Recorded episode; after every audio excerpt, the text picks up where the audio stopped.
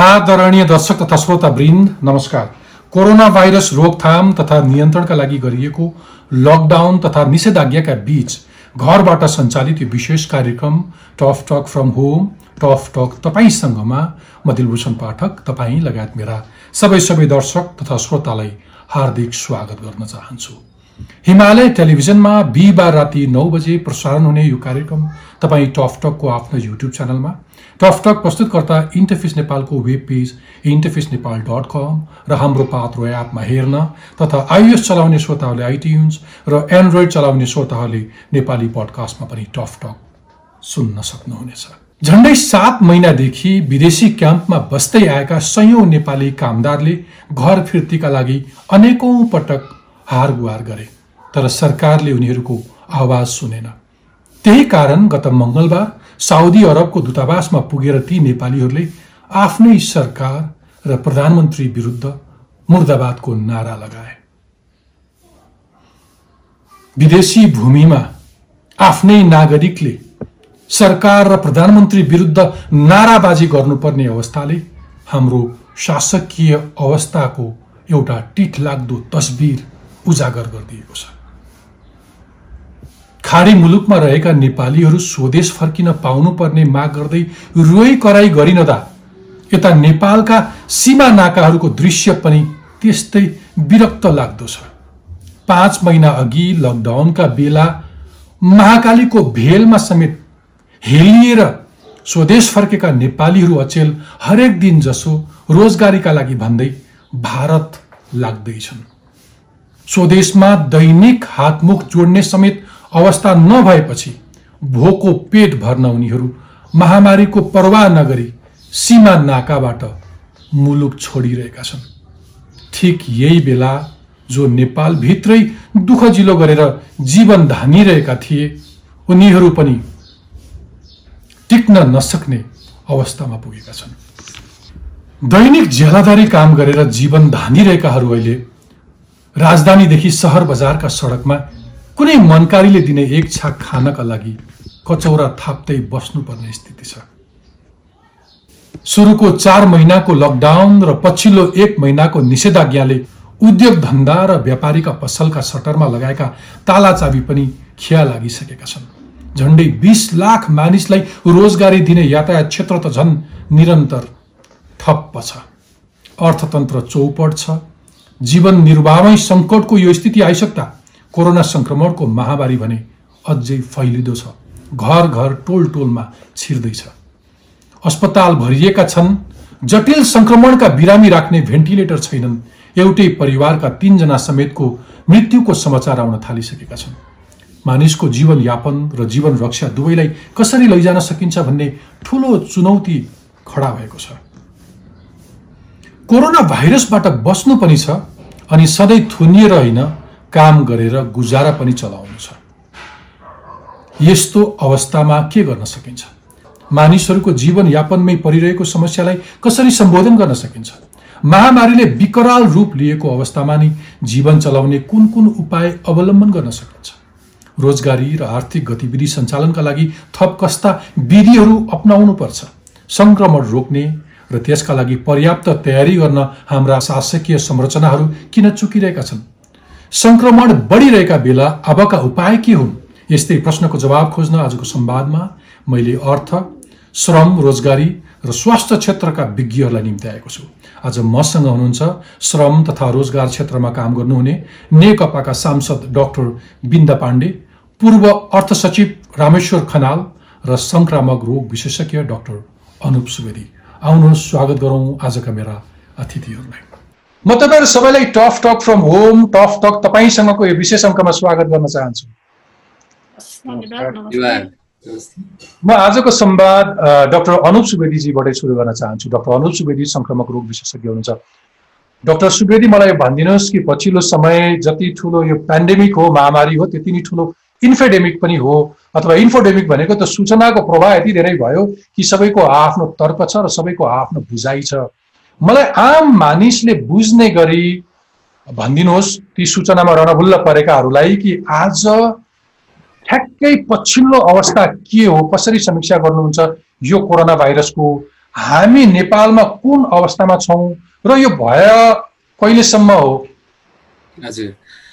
यो वास्तवमा महामारी नै हो कुनै विश्वव्यापी जालसाजी षड्यन्त्र होइन।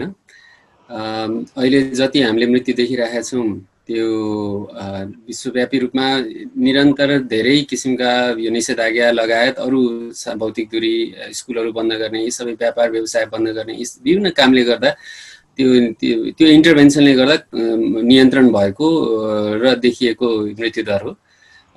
यति मृत्युदर चाहिँ हामीले यी विभिन्न इन्टरभेन्सन नगरे धेरै बढी हुन्थ्यो।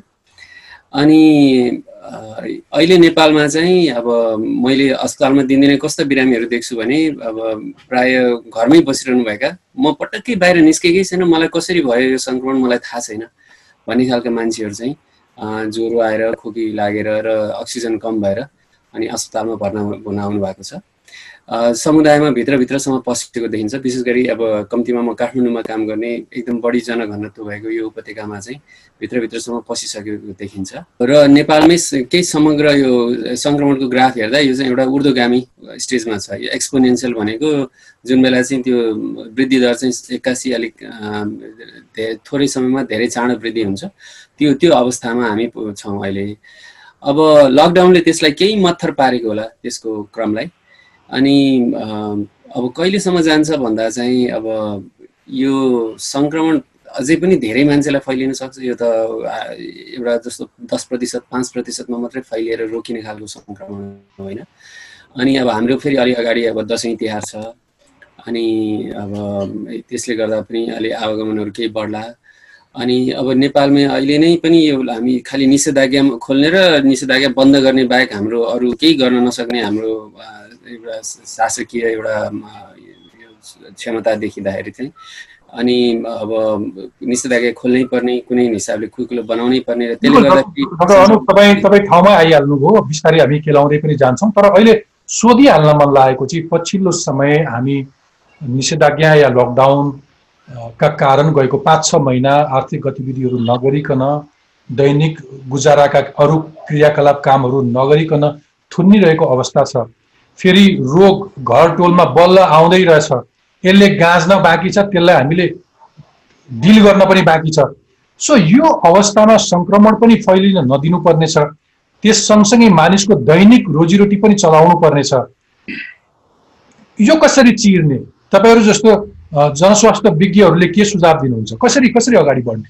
खानु पनि पर्नेछ रोगको डरले भोक भोकै घरमा बस्ने स्थिति पनि आएर आम नागरिकको समस्या देखिरहेको छ उद्योग व्यापारी व्यवसायीहरू सबको गुनासो पनि छ। कसरी अगाडि बढ्ने? हजुर अब I wish there was an easier answer होइन? यो त्यति सजिलो उत्तर छैन यसको। निषेधाज्ञा भनेको चाहिँ अब आफैमा एउटा एक्जिट स्ट्राटेजी होइन होइन? निषेधाज्ञाले चाहिँ तपाईँलाई यो निकासको बाटो खोल्नलाई केही समय दिन्छ। अनि अब निषेधाज्ञा चाहिँ यो सङ्क्रमण नियन्त्रणको लागि त मात्रै जनस्वास्थ्यकै पक्षले मात्रै हेर्ने हो भने र जनस्वास्थ्य पनि हामीले कोभिड सम्बन्धी जनस्वास्थ्यकै पाटोहरूलाई केही पक्ष हिसाबले हेर्ने हो भने चाहिँ निषेधाज्ञा भनेको। अब यस्तो अस्त्र हो जुन चाहिँ पहिलाभन्दा अहिले धेरै बढी उपयोगी छ। अहिले जति उपयोगी छ निषेधाज्ञा यति उपयोगी पहिला कहिल्यै थिएन होइन? त्यसो भनेर निषेधाज्ञा केही निरन्तरता हुनुपर्छ भनेको होइन। तर हामीले यो आवागमनहरू यो हाम्रा सामाजिक व्यवहारहरू चाहिँ विशेष गरी मान्छे धेरै भिडभाड हुने घुलमिल हुने त्यस्तो परिस्थिति जति सिर्जना गर्छौँ यो सङ्क्रमण फैलिने दर र हाम्रो स्वास्थ्य संरचनाले धान्नै नसक्ने हुने दर चाहिँ त्यति नै बढी छ। मैले जनस्वास्थ्यको पाटो एउटा प्राविधिक पाटोबाट मैले भन्दाखेरि चाहिँ मैले खालि अब आवागमन कम अलि अनावश्यक रूपमा अस्तिको जस्तो अघिल्लोचोटि खुकुलो पार्दा जस्तो एकैचोटि वात्तै सबै खोलिदिने हिसाबले चाहिँ गर्न हुँदैन। होइन न्यून वर्गका एकदम विपन्न वर्गका मान्छेहरू सबैभन्दा प्रताडित वर्गलाई चाहिँ कसरी राहत दिन सकिन्छ? कस्ता किसिमका यो पोलिसी चेन्जेसहरूले यो विशेष गरी यो खुकुलो पार्ने क्रममा? र अरू क्षेत्रलाई चाहिँ सकेसम्म अझै पनि त्यो खुकुलो नपार्ने हिसाबले कसरी इन्टरभेन्सन गर्नुपर्छ त्यो हिसाबमा हामी फोकस गरौँ मैले भन्न सक्ने कुरा चाहिँ त्यो हो। तर यो सङ्क्रमण व्यवस्थापन रेस्पोन्सको त पाटो त एउटा प्राविधिक पाटो छ जुन जनस्वास्थ्यका वैज्ञानिकहरू अथवा डाक्टरहरू जनस्वास्थ्य कर्मीहरूले भन्लान्। तर त्यसबाहेक अर्को व्यवस्थापन अपरेसनल र लिडरसिप होइन? नेतृत्वको अर्को ठुलो पाटो छ पोलिटिकल लिडरसिप विशेष गरी। अनि त्यसमा चाहिँ अब अरू विज्ञहरूको इनपुट लिनुपर्छ। हुन्छ म रामेश्वर खनालजीकोमा जान चाहन्छु। रामेश्वर खनाल नेपाल सरकारका पूर्व अर्थ सचिव हुनुहुन्छ। चैतमा लकडाउन भएपछि भारतबाट धेरै नेपाली दाजुभाइहरू त्यो सङ्क्रमण बच्नका लागि घर फर्के स्वदेश फर्के। सरकारले यहाँ सीमामा रोक्दै थियो महाकालीको भेलमा हिलिएर पनि घर फर्के। त्यसरी त्यो रोगबाट बचेर स्वदेश आएका मानिसहरू अहिले यहाँ घरमा आफ्नो स्वदेशमा पेट भर्न नपाएपछि उता भारतमा त्यो बेलाको भन्दा अहिले अति बढी सङ्क्रमणको दर छ। दैनिक एक हजार मान्छेको ज्यान गइरहेको छ भारतमा यति बेला। झन् झन् नब्बे हजार दैनिक जसो सङ्क्रमित भइरहेका छन्। तर हाम्रा दाजुभाइ विशेष गरी पश्चिम र सुदूरपश्चिमका सिमा नाकाहरूबाट भारत पस्ने क्रम छ।